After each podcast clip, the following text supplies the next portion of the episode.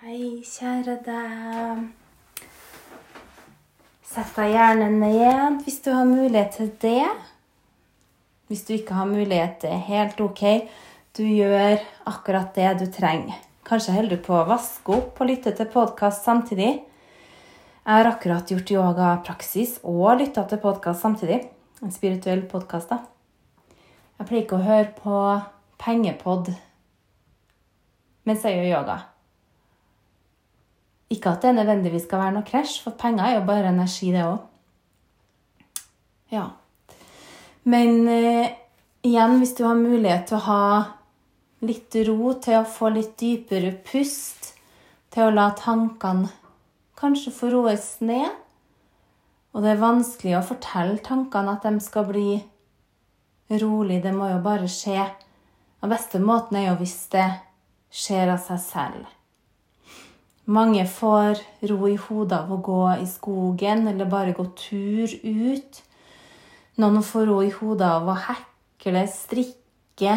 Noen får da meditasjon, pranayama, pusteøvelsene. Det å praktisere yoga eller trene styrketrening. Fordi det å bevege seg, det roer tankene. Det er en sånn Jeg føler i hvert fall at det er nesten sånn sikkert stikk for meg.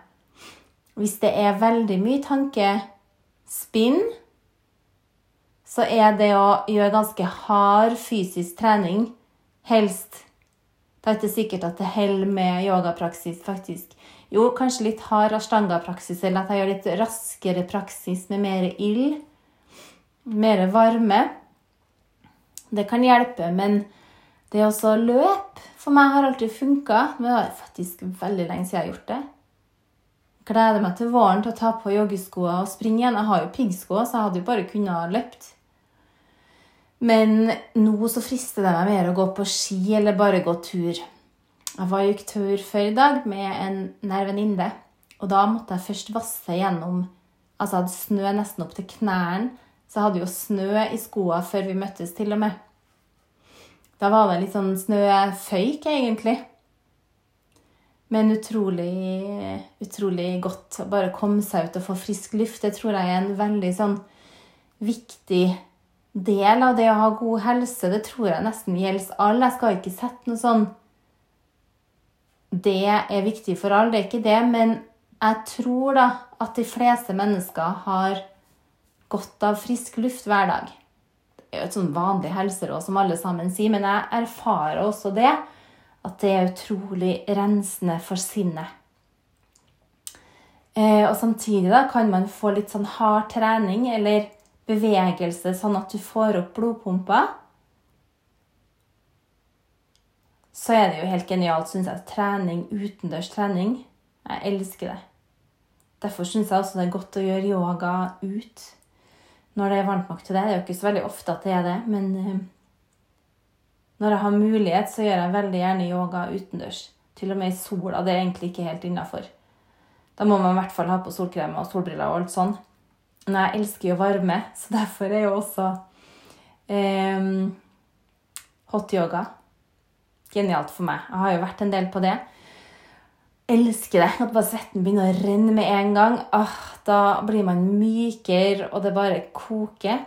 Mm, skikkelig, skikkelig deilig. Og jeg føler at det bare brenner bort masse gamle samskaras, gamle spor.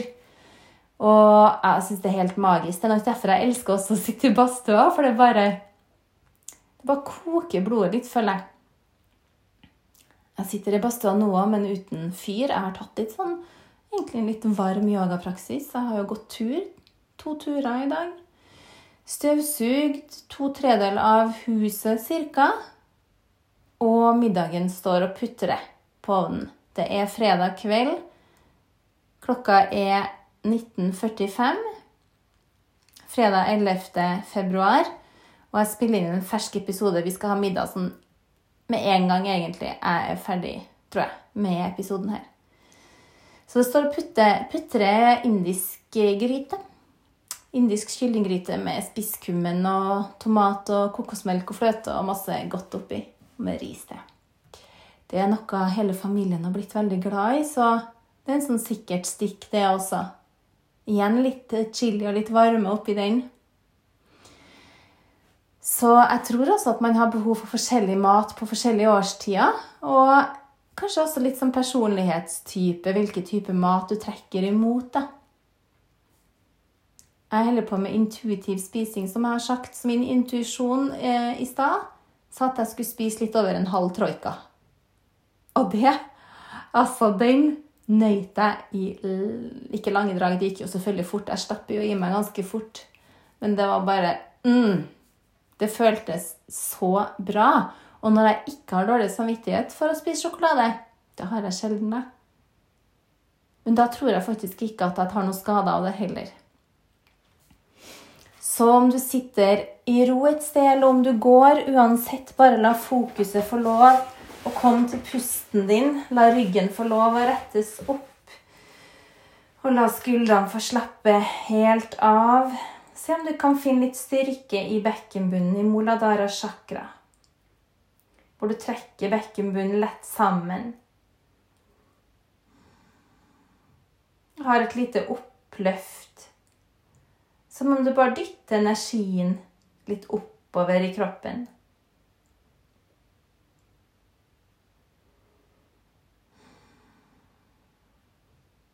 Prana er energien som går oppover fra navlen og opp til det tredje øyet. Apana er energien fra navlen manipura chakra ned mot muladara chakra, som er nederst i ryggsøyla.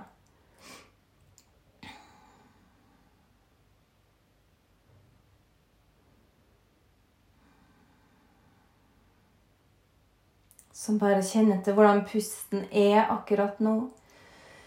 Uten å prøve å styre på noe vis.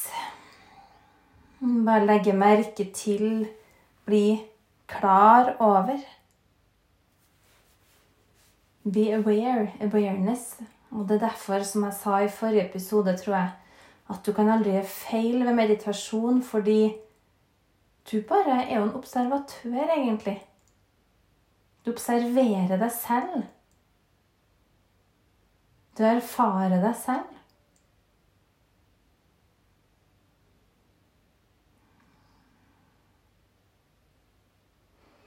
Det å erfare seg selv, hva er det egentlig det? Er det egoet som erfarer sjelen? Er det sjelen som erfarer egoet, eller går det begge veier? Er det den høyere bevisstheten som erfarer den litt lavere bevisstheten, eller den høyere bevisstheten som erfarer egoet. Hva er da ego? Er det viljen, den frie viljen? Er det å være egoistisk? Hva ligger i ordet ego? Er det en slags selvoppholdelsedrift i egoet? Er egoet viktig? Skal vi prøve å ikke ha noe ego, eller er det nyttig for oss når vi lever som mennesker?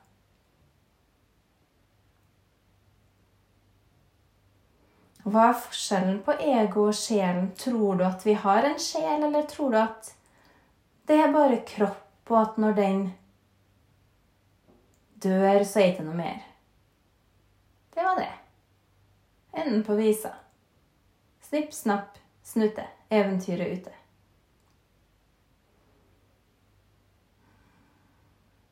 Jeg tror jo at vi lever for alltid. At sjelen eksisterer evig. Jeg tror vi henger sammen med andre. At vi er en del av et større hele. At vi er en del av en større energi, en større eksistens. At vi er en del av en større bevissthet. Har du noen gang opplevd noe som er uforklarlig? Som du ikke kan forklare med verken forskning eller den logiske tankegangen. Eller forklare med det du vet fra før. Så det vi vet fra før, kjennes som sikker kunnskap.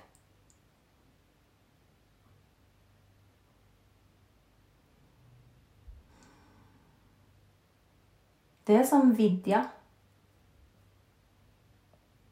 Mens avidya hm, Det er kanskje det vi ignorerer, en ignorans. Vidya, avidya, to ganske mye brukte begrep i yogafilosofien.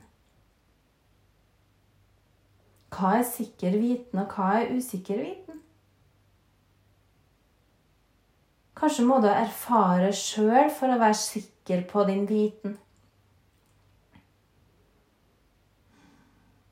Eller holder det at mange andre har erfart det samme og skrevet det ned sånn du kan lese? Det kan også telles som en sikker kilde. Men enda bedre er det hvis du kan erfare det samme selv. Da får du en dobbel sikker viten.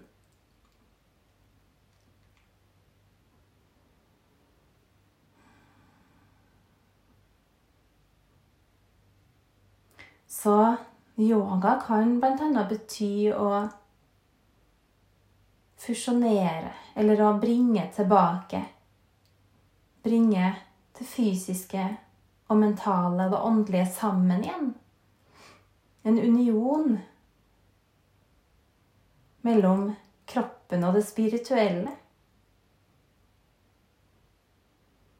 Så kanskje det er, mange, det er mange som tror at vi har bare en kropp, det er det.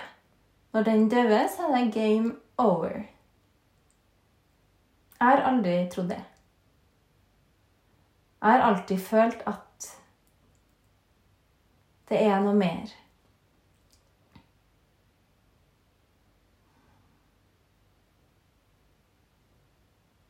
Og det er det mange også som føler og tror. Men det er nok vanskelig for oss å vite helt sikkert.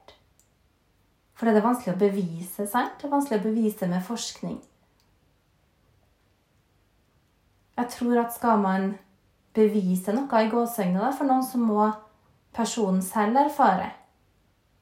Eller få en, ja, en bevissthets, et bevissthetsopprykk.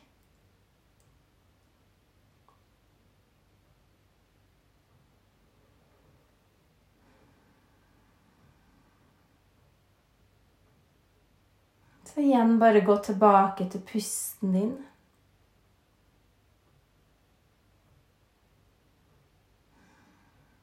La fokuset gå til området mellom øyenbryn, agna chakra, eller det tredje øyet. Det sies at det området, hvis det åpnes, så vil man se mer av den ikke-fysiske verden. Hvis du er klar for det. Hvis du ikke har troa på det i hele tatt, så orker du ikke bryet kanskje med deg heller. Eller kanskje du er nysgjerrig for at du tror hvis du får oppleve eller se. Vi er jo veldig opptatt av synssansen. Men det man føler, det er vel egentlig enda viktigere. En ting er det du ser, øynene kan spille deg et puss av. Men det du føler og kjenner, tror jeg er mer sikker viten enn det du ser og hører. Muligens.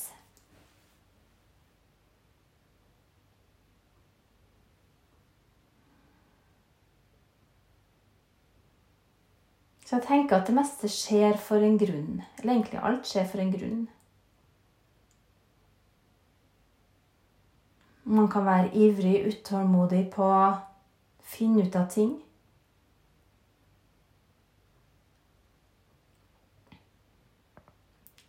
Men jeg tror det er viktig å stole på prosessen. Stole på at du får vite det du skal, når du er klar for det. Ikke før, ikke etter.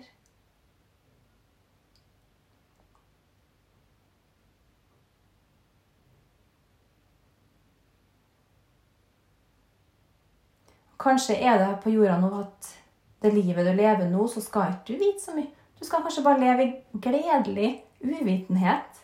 Eller gledelig naivitet. Eller å være helt altså blokkert fra alt som har med det åndelige å gjøre. Kanskje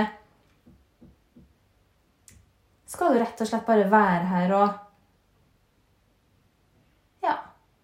Ikke tenk så mye over livets eksistensielle spørsmål.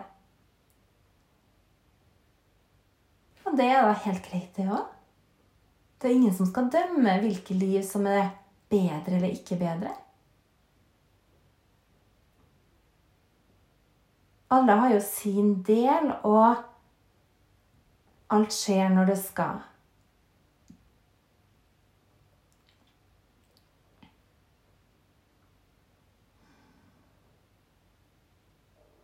Så har vi yogafilosofien, det som heter samskaras, eller det er på en måte spor som du går opp igjen og igjen. For ting har jo gjerne en tendens til å gjenta seg helt til man har levd det helt ut, eller gitt slipp, eller bearbeida traume. Det er derfor jeg er så opptatt av at man skal ta tak i ting. Ikke la det bare skure og gå, men det skal opp og frem i lyset. Og det skal snakkes om. Og det skal kjennes på. Det skal føles på. Det er ikke alle som syns det er like stas. For det er jo mye som er ubehagelig også. Kanskje ubehagelig å ta stilling til.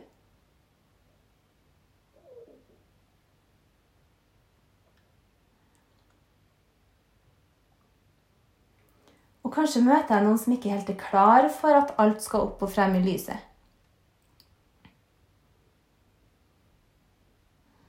Da må jeg prøve å respektere det og trekke meg litt tilbake. Fordi man kan ikke presse folk til å ta tak i ting hvis de ikke vil selv.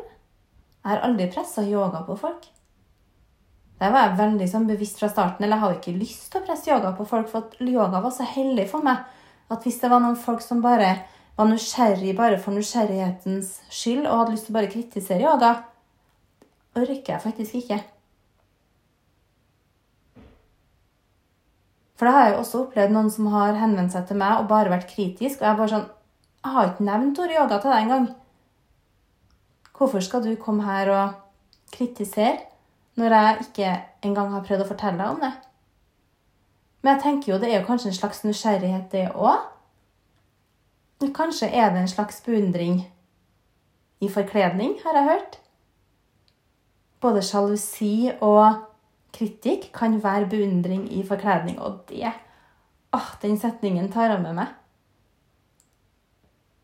Den er det jeg liker veldig godt, som har skrevet til meg, og det var bare så fint. Og da fikk jeg å, så fin måte å se på både sjalusi og ja, kritikk, eller hvis noen prøver å ødelegge, så kanskje er det en beundring i forkledning.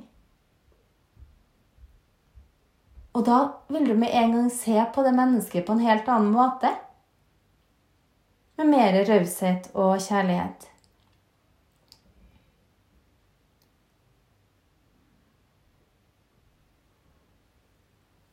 Så bare kjenn at du sitter stødig, og la bare pusten igjen få flyte fritt i kroppen.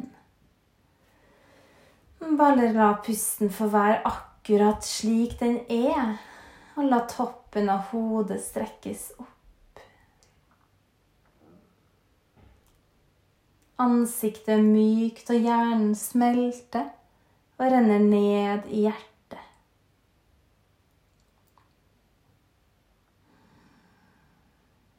La ditt trygge anker få være pusten din, der du stadig kan vende tilbake.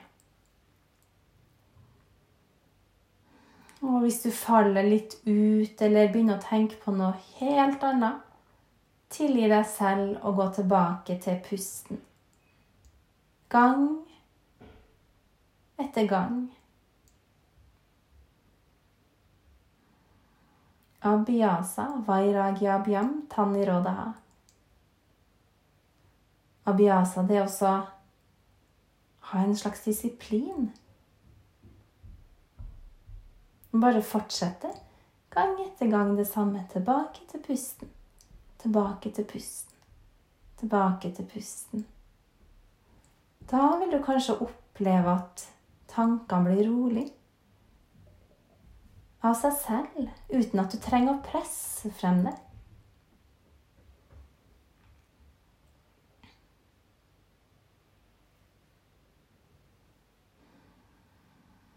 Du kan sette litt mer lyd på pusten hvis du syns det er vanskelig å holde fokuset der.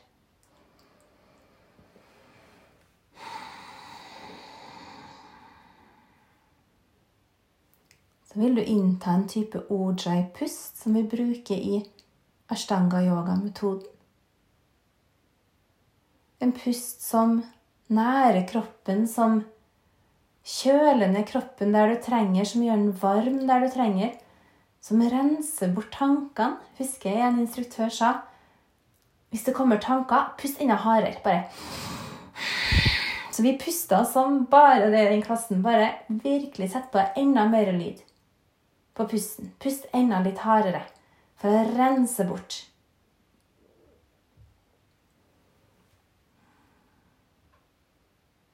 Kanskje vil du la pusten roes helt ned igjen.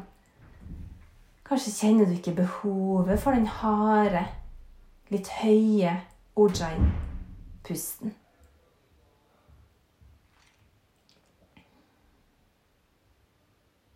Kanskje kan du bare sitte i deg selv og kjenn deg fredelig.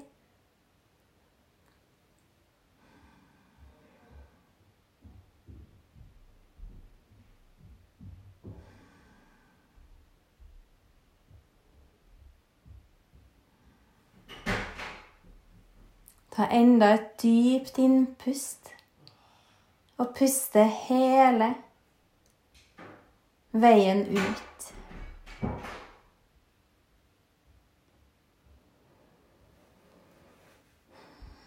Ha en nydelig fredagskveld.